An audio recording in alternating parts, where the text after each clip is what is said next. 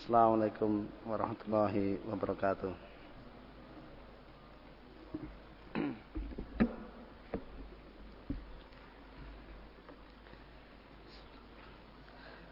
Innal hamdalillah nahmaduhu wa nasta'inuhu wa nastaghfiruh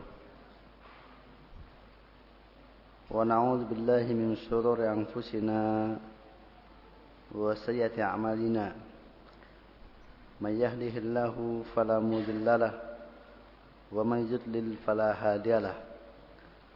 أشهد أن لا إله إلا الله وحده لا شريك له وأشهد أن محمدا عبده ورسوله. أعوذ بالله من الشيطان الرجيم. يا أيها الذين آمنوا اتقوا الله حق تقاته. ولا تموتن إلا وأنتم مسلمون أما بعد إخفاء في الدين الله يكم Kita lanjutkan kajian kita Hadis Arba'in An-Nawawiyah Kita Sampai pada Hadis yang ke 30 lima.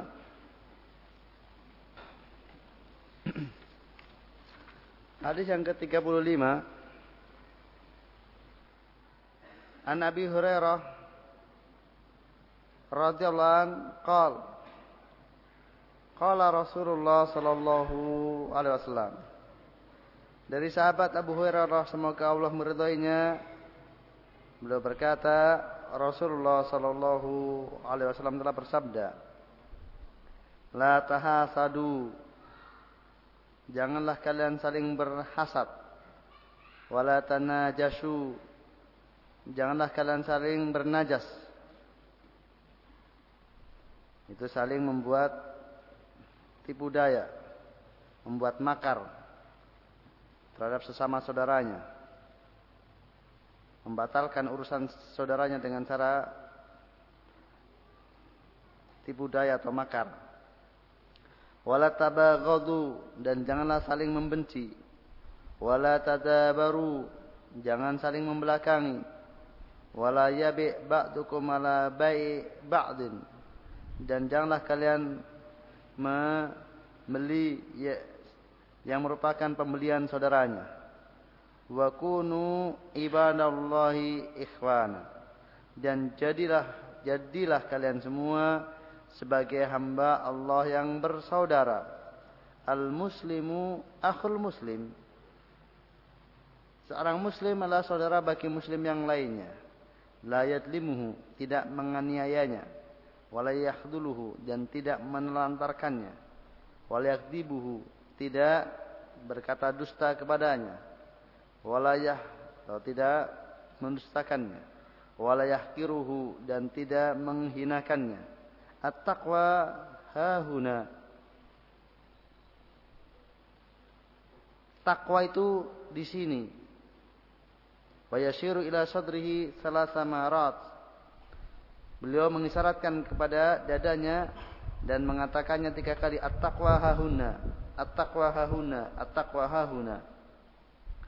Bihasbi mri'in minasyarri. Cukuplah seseorang dikatakan dia jelek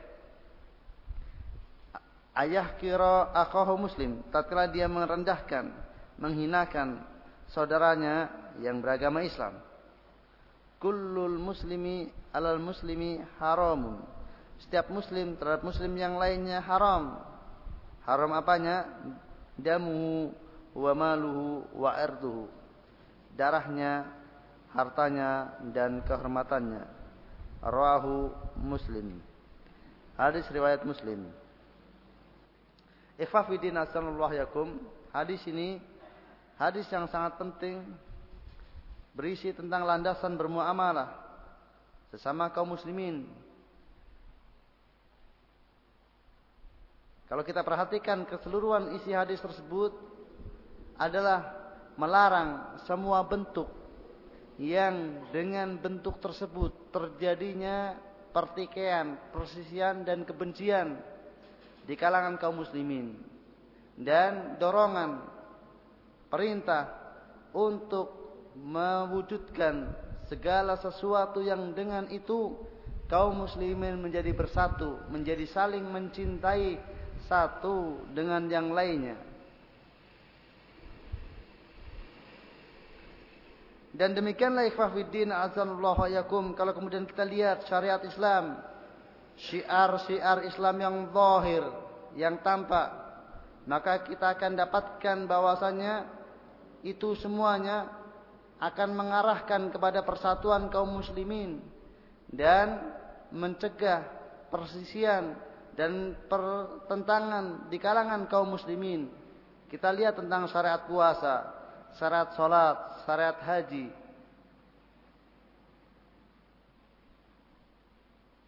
Dan lain sebagainya dari siar-siar Islam. Syariat Islam sangat menekankan persatuan. Wa'tasimu bihablillahi jami'a. Bersatulah kalian, berpegang teguhlah kalian dengan tali Allah seluruhnya. Wala tafarraqu. Tidak cukup Allah memerintahkan untuk bersatu sehingga dia melarang dari berpecah belah. Wala tafarraqu dan janganlah berpecah belah. Dan kandungan hadis ini ke arah itu semuanya. Terwujudnya saling mencintai, saling bersatu, tidak tadabur, tidak saling membenci satu dengan yang lainnya. Dan menjadi hamba-hamba Allah yang bersaudara satu dengan yang lainnya. Dan yang namanya saudara tentunya akan memikirkan nasib saudaranya. Dan merasa sakit kalau saudaranya sakit. Dan merasa bergembira kalau saudaranya bergembira. Itulah sesungguhnya yang dituntut dari dinul Islam ini. Maka adanya perpecahan dan pertentangan, pertikaian di tengah-tengah kaum muslimin. Sesama muslim satu dengan yang lainnya ini sangat tidak sesuai dengan hakikat dinul Islam. Maka upayakan untuk kemudian kembali kepada pemahaman yang benar. Karena dengan memahami Islam yang benar itulah kemudian akan terciptanya persatuan dan kesatuan. Sesuai dengan yang dituntut oleh Allah SWT. Karena diperintahkan untuk wa'tasimu bihablillah. Berpegang teguhlah dengan tali Allah bukan semata-mata persatuan, tapi persatuan di jalan Allah adalah persatuan di atas kebenaran.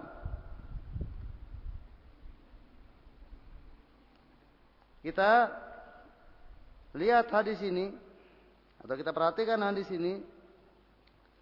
Di sini pertama Nabi melarang untuk jangan saling hasad. Dan hasad adalah mujarad semata-mata seorang tidak suka tatkala saudaranya yang muslim mendapatkan kenikmatan baik nikmat duniawi maupun nikmat ukhrawi ini sudah terkena penyakit hasad. Baik dia berangan-angan untuk hilangnya kenikmatan tersebut dari saudaranya atau tidak.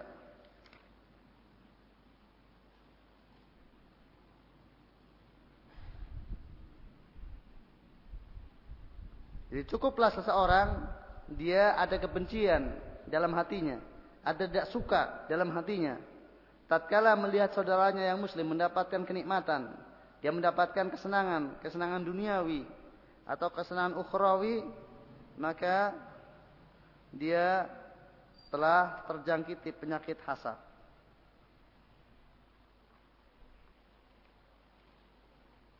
Dan hasad ini merupakan akhlaknya orang-orang al-Yahud. Sebagaimana katakan dalam surah Al-Baqarah ayat 109 wadda katsirun min al-kitab la yurdunakum min ba'di imanikum kuffaran hasadan min indi anfusihim.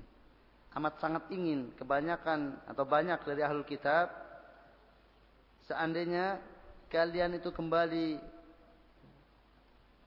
kafir setelah keiman kalian yang demikian itu disebabkan karena hasad dalam diri-diri mereka.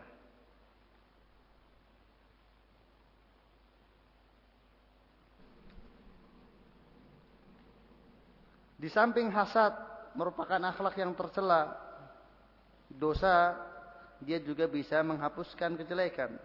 Sebagaimana riwayat datang tentang hal itu. Bahwasanya hasad bisa bakar kebaikan yang dilakukan oleh seseorang. Kebaikannya bisa terhapus sesuai dengan besar kecilnya hasad yang dimilikinya. Kemudian wala tanajasu, jangan saling tanajus. Yaitu melakukan upaya tipu daya terhadap saudaranya. Seperti tanajus dalam jual beli, yaitu dia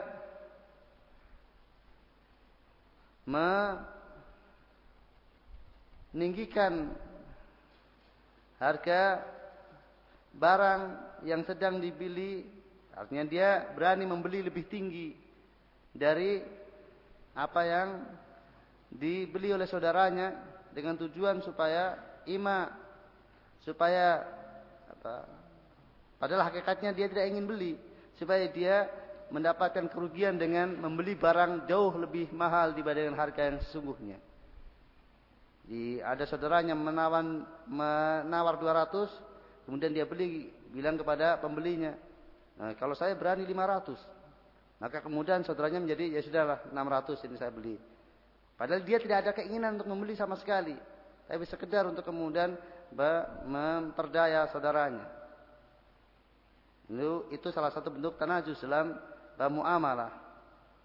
Jadi ingin memberikan kerugian, menimpakan kerugian kepada saudaranya tapi dengan cara yang tidak kentara, cara yang tidak jelas. Maka dengan tipu daya, dengan apa khilah, dengan apa makar, khida, yang menimpakan kemadaratan kepada orang lain tanpa kentara. Maka ini terlarang. Dan kalau kita perhatikan, maka kedua perbuatan ini jelas akan mendatangkan kebencian. Tatkala seseorang dia mendapatkan nikmat, dia, dia tahu bahwa saudaranya tidak suka, maka tentunya akan terjadi kebencian satu dengan yang lainnya. Demikian juga tatkala pada akhirnya ditahu bahwasanya hakikat dia menaikkan harga menaikkan, menaikkan tawaran sekedar untuk kemudian merugikan saudaranya, maka akan timbul kebencian satu dengan yang lainnya. Dan demikian juga kalau kemudian akhirnya pembeli pertama tadi karena terlalu tinggi harganya, kemudian dia pergi. Setelah pembelinya ini pergi, maka oh, saya juga nggak jadi kok. Kemudian dia juga tidak jadi karena apa? Selama masih di dalam majelis kan bisa orang menggagalkan. Akhirnya apa penjual ini tidak jadi laku barangnya. Padahal tadinya dia sudah mau mengasihkan, tapi karena tawaran yang lebih tinggi mau dipindahkan ke sini, kemudian yang ini sudah pergi. Kemudian yang menawar lebih tinggi pun akhirnya tidak jadi. Dan ini adalah kejelekan. Atau termasuk juga tadi bagian tanah jus adalah kerjasama antara penjual dengan tadi teman-temannya. Seperti yang eh, banyak terjadi. Jadi pembelinya yang ada di sekitarnya adalah teman-temannya. Kemudian, oh bagus sekali. Saya berani sekian. Kalau saya berani sekian. Nah, padahal itu temannya supaya terprovokasi. Uh, banyak sekali pembeli yang berani. Kok saya berani cuma sedikit? Ya sudah, saya sekian. Nah, ini tanajus. Nah, inilah akan menimbulkan pertikaian dan persian di kalangan kaum muslimin. Itu terlarang dalam syariat. Jual beli seperti itu termasuk jual beli yang terkena larangan wala tanajasu. Kemudian wala tabaghadu dan janganlah saling membenci. Untuk saling membenci di sini tidak setiap pembenci kepada seorang yang dia beragama Islam itu keliru. Karena kebencian ada dua macam.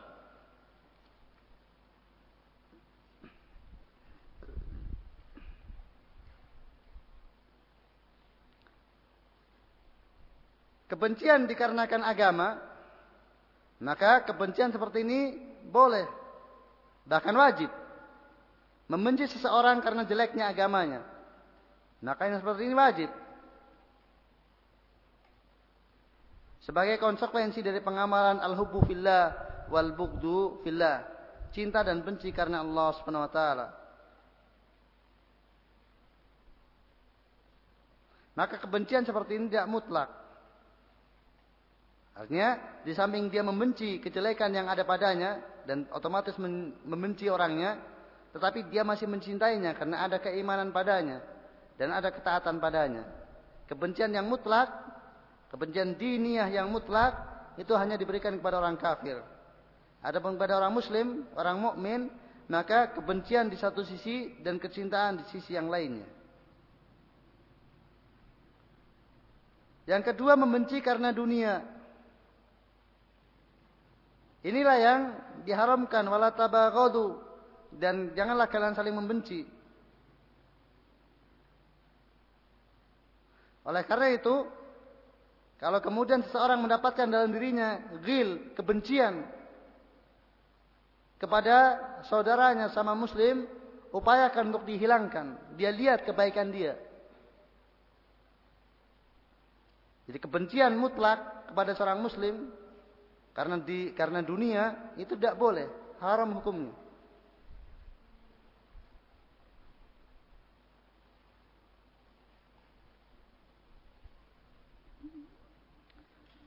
Maka Nabi Shallallahu Alaihi Wasallam bersabda,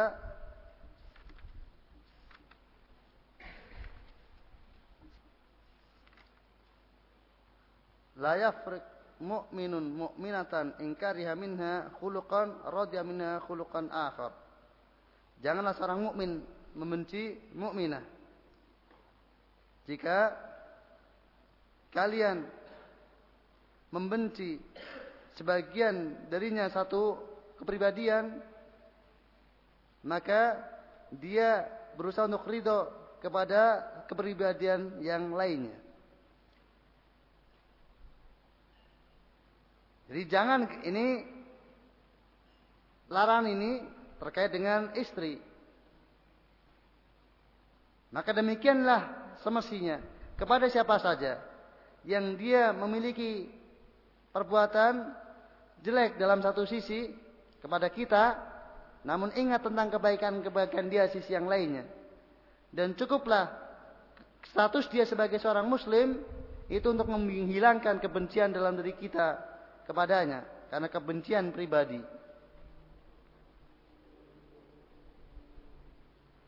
Kemudian wala tadabaru dan janganlah saling membelakangi. Itu tidak berhubungan, memboikot satu dengan yang lainnya. Muqata'ah, putus hubungan. Tidak melakukan komunikasi sama sekali karena adanya persisian adanya masalah antara keduanya. Maka yang dimaksudkan di sini janganlah saling membelakangi karena perkara duniawi. Sebab memboikot saudaranya sama muslim itu ada dua bentuk. Yang pertama memboikot karena alasan agama. Maka hukumnya boleh jika mendatangkan masalah, bahkan kadang dituntut. Jika hal itu mendatangkan maslahah, baik bagi yang memboikot atau bagi yang diboikot. Seperti memboikot ahli maksiat atau ahli bid'ah. Maka memboikot kadang dituntut kalau menimbulkan maslahah. Sebagaimana Rasulullah Shallallahu Alaihi Wasallam memboikot berhari-hari, bahkan memerintahkan kepada kaum muslimin untuk memboikot tiga orang sahabatnya. Ka'ab bin Malik dan dua yang lainnya. Yang tertinggal dalam satu perang tanpa alasan yang syar'i. Disebabkan karena kemaksiatannya tersebut kemudian diboikot oleh Rasulullah dan para sahabatnya. Bahkan istrinya pun diperintahkan untuk memboikotnya. Tidak mengajak bicaranya dan bahkan tidak mau tidak boleh melayaninya. Sebagai hukuman ini kalau mendatangkan masalah dan betul-betul memang pengaruh boikot Rasulullah mendatangkan masalah. Mereka semuanya bertobat kepada Allah Taala dengan tobatan yang jujur, yang bersih sampai kemudian Allah Taala ceritakan tentang tobat mereka dalam firman-Nya. Maka ikhwafidin azanullah wa yakum. Saya ingatkan kepada kita semuanya. Kalau kemudian ada saudara kita yang memboikot kita lantaran karena penilaian bahwasanya misalnya kita dianggap sebagai hizbi misalnya atau dianggap sebagai ahlul bid'ah misalnya maka kita hormati mereka dalam pemboikotannya tersebut. Karena itu konsekuensi dari tuntutan din. Mereka menganggap bahwasanya itu bermasalah, baik bermasalah bagi mereka, karena mereka khawatir akan subhatnya misalnya. Ini alus subhat atau bermasalah bagi kita supaya meninggalkan bid'ahnya atau meninggalkan hizbiyahnya misalnya. Maka koreksi kita mengoreksi diri. Tatkala kemudian diboikot dengan alasan karena dianggap sebagai pengikut ahlul bid'ah atau pengikut hizbiyah. Kalau kemudian tuduhan tersebut tidak benar, tidak beralasan, maka sampaikan bahwasanya tidak punya alasan sama sekali. Jadi jangan disalahkan dari sisi memboikotnya. Karena memboikot orang yang menyimpang misalnya. Tapi salahkanlah dari sisi kalau ternyata itu tidak benar. Tujuan bahwasanya yang diboikot adalah al bid'ah atau tujuan bahwasanya yang diboikot adalah hizbiyah atau tatkala boikot tersebut tidak mendatangkan masalah, itulah yang disalahkan dari sisi itunya. Jangan dari sisi tidak mau salam kepada kepada saudara yang sama muslim. Karena tidak mau salam kepada saudara yang sama muslim, ada tuntutan din. Yaitu apa? Tatkala itu dalam rangka menegakkan hajar, memboikot agar meninggalkan bid'ahnya atau meninggalkan hisbiahnya atau meninggalkan kemaksiatannya. Namun ingat, sekarang permasalahan adalah betulkah bahwasanya yang diboikot adalah hisbi atau mubtadi atau ahli maksiat? Itu yang pertama. Yang kedua, betulkah boikot tersebut mendatangkan maslahah? Memang sudah tuntutannya harus diboikot, maka kedua pertanyaan ini yang harus kemudian dijawab terlebih dahulu. Bagi siapa yang melakukan pemboikotan kepada sesama saudara muslim terkait dengan pemboikotan karena agama.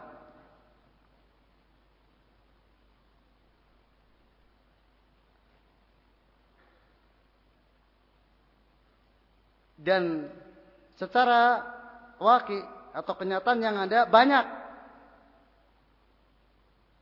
yang melakukan pemboikotan secara serampangan tanpa melihat.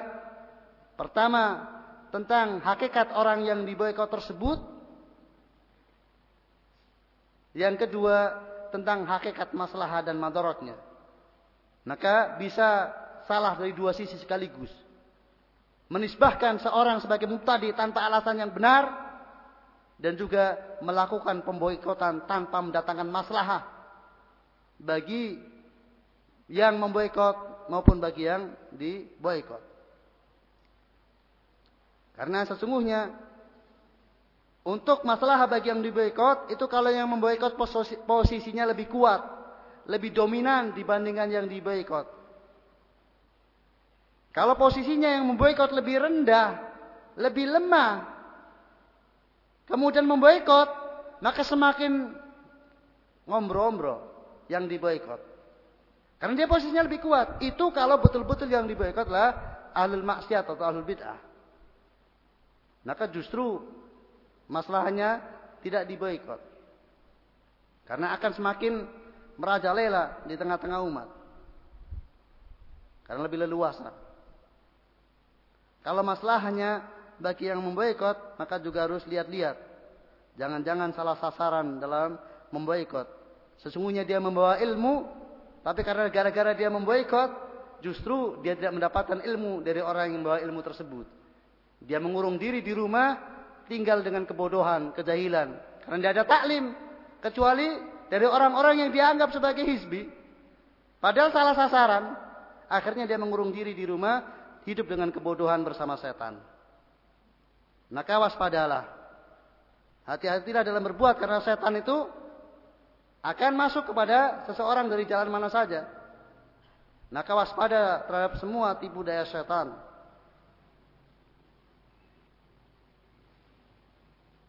Yang kedua memboikot karena alasan duniawi. Ini pun hukumnya boleh. Kalau kemudian kita merasa teraniaya, kita didolimi oleh saudara kita, kita ada konflik dengan saudara kita, kemudian kita marah terhadap saudara kita, boleh memboikotnya. Namun batasannya tiga hari saja dan tidak lebih dari itu. Lebih dari tiga hari memboikot saudaranya karena perselisihan pribadi, urusan duniawi haram hukumnya. Dan memaafkan itu lebih bagus lagi. Bagaimanapun penganiayaan saudara kita, kalau itu urusan duniawi, maka memaafkan lebih baik. Tentunya dengan catatan, kalau tatkala dimaafkan itu secara umum dia akan menjadi lebih baik. Namun kalau kemudian tipe orangnya itu dimaafkan justru semakin melunjak, maka kadang dihukum atau di boykot itu lebih baik. Tapi secara umum hukum asal memaafkan itu lebih baik. Hanya dalam keadaan tertentu saja. Kadang menghukum itu lebih baik dibandingkan memaafkan. Ini kepada orang-orang tertentu dan dalam keadaan tertentu. Namun hukum secara umum maka memaafkan lebih baik dibandingkan menghukum itu kalau kemudian perselisihan adalah perselisihan duniawi.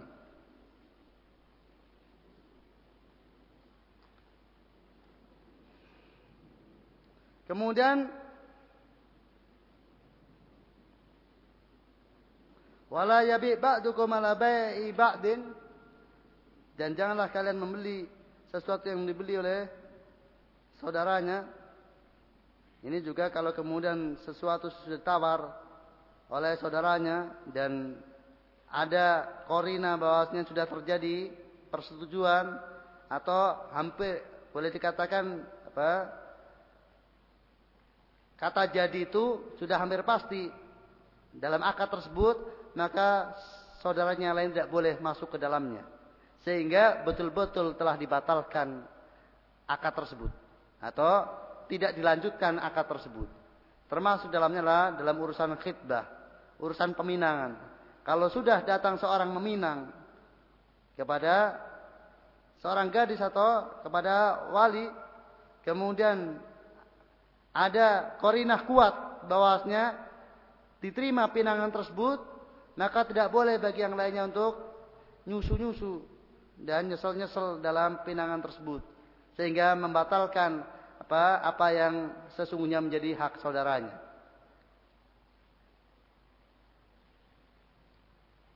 Wa kunu ibadallahi ikhwana. Jadilah hamba Allah yang bersaudara.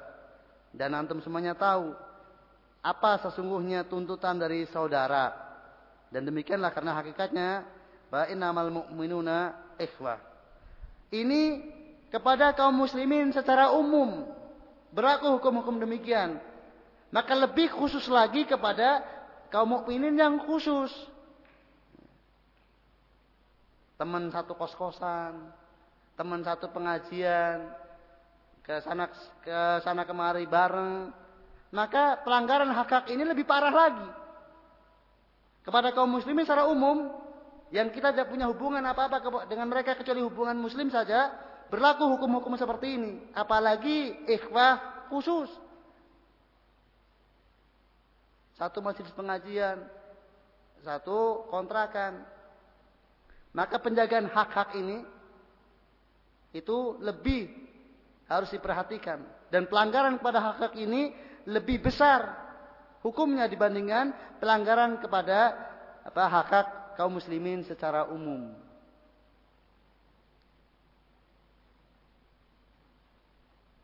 Maka mohon diperhatikan bagi semuanya. Dan demikianlah karena muslim adalah saudara muslim yang lainnya, maka tidak boleh menganiayanya, tidak boleh menelantarkannya. Itu dengan membiarkan dia dalam kebinasaan. Tidak kemudian menariknya atau menyelamatkannya dari kebinasaan tersebut.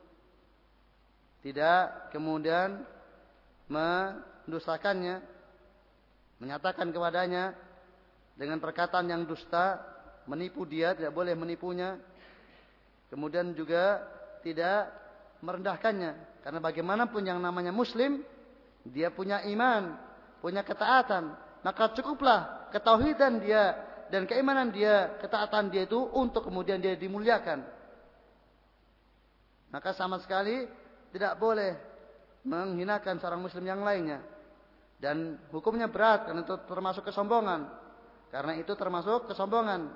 Al-kibru batrul haq wa qumtun nas. Sombong adalah menolak kebenaran dan merendahkan orang lain. Kemudian Nabi Shallallahu Alaihi Wasallam menjelaskan hakikat takwa. Banyak takwa letaknya dalam hati. Karena hati adalah kendali bagi zahir. Kalau hati baik, maka baiklah seluruh dohirnya. Kalau dohirnya baik, belum tentu itu menunjukkan hatinya baik. Asal takwa lah fil qalb. Di dalam hati. Dan beliau katakan cukuplah seorang muslim, seorang itu jelek tatkala dia merendahkan saudaranya muslim yang lainnya. Karena bagaimanapun juga yang namanya muslim itu haram untuk dinodai hartanya, dinodai kehormatannya, apalagi ditumpahkan darahnya. Dan demikian ikhwafidin asallallahu yakum nasihat dari Rasulullah sallallahu alaihi wasallam demi terciptanya kedamaian, ketentraman dalam hubungan bermasyarakat sesama kaum muslimin dan barang siapa yang mau melakukan nasihat Rasulullah tersebut dalam sebuah masyarakat maka mesti masyarakat tersebut akan tentram dan damai. Masing-masing sadar tentang apa yang menjadi kewajibannya dan tidak menuntut apa yang menjadi haknya. Kalau masing-masing menunaikan apa yang menjadi kewajibannya maka pasti setiap pemilik hak akan mendapatkan apa yang menjadi haknya. Dan kalau setiap pemilik hak sudah mendapatkan apa yang menjadi haknya, maka tidak ada lagi sudah persisian, pertengkaran dan permusuhan satu dengan yang lainnya. Ikhwafidin yakum. Kita cukupkan sampai di sini dan selalu kita lanjutkan nanti sore hadis yang ke 36.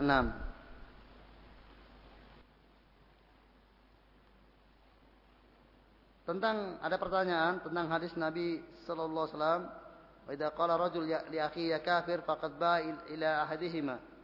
Apabila seorang mengatakan kepada saudaranya ya kafir, maka berarti dia akan maka tuduhan kafir itu kembali kepada salah satu di antara keduanya. Ima kepada yang tuduh, ima kepada yang menuduh. Maka ini juga termasuk hadis-hadis yang seperti tadi sudah saya jelaskan, yaitu yang kufrun duna kufrin. Jadi itu termasuk perbuatan kufur, maka kekufuran kembali kepadanya. Eh, kufrun duna kufrin. Kalau tidak kalau ternyata yang yang dituduh tidak benar, maka dialah yang telah berbuat kekufuran dengan tuduhannya tersebut, menuduh saudaranya kafir. Demikian yang dipahami oleh Imam Abu Isi Al-Hanafi tatkala membawakan apa asar ini dalam hadis-hadis yang terkait dengan penyebutan kufur. Terhadap apa yang telah dikatakan oleh seorang muslim atau yang diperbuat oleh seorang muslim. Ikhwafidin yakum dan kita lanjutkan nanti sore. Kemudian sisanya kita lanjutkan pada hari Kamis. Dan nanti pokoknya kita upayakan untuk selesai hari Kamis.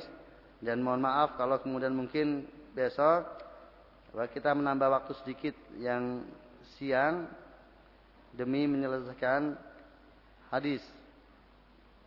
Jadi yang siang kita selesaikan hadis 22, 23, 24. Kemudian sorenya kita selesaikan apa yang belum selesai nanti sore. Bismillah. Demikian subhanakallahumma wa bihamdika asyhadu an la ilaha illa anta astaghfiruka wa atubu ilaik. Assalamualaikum warahmatullahi wabarakatuh.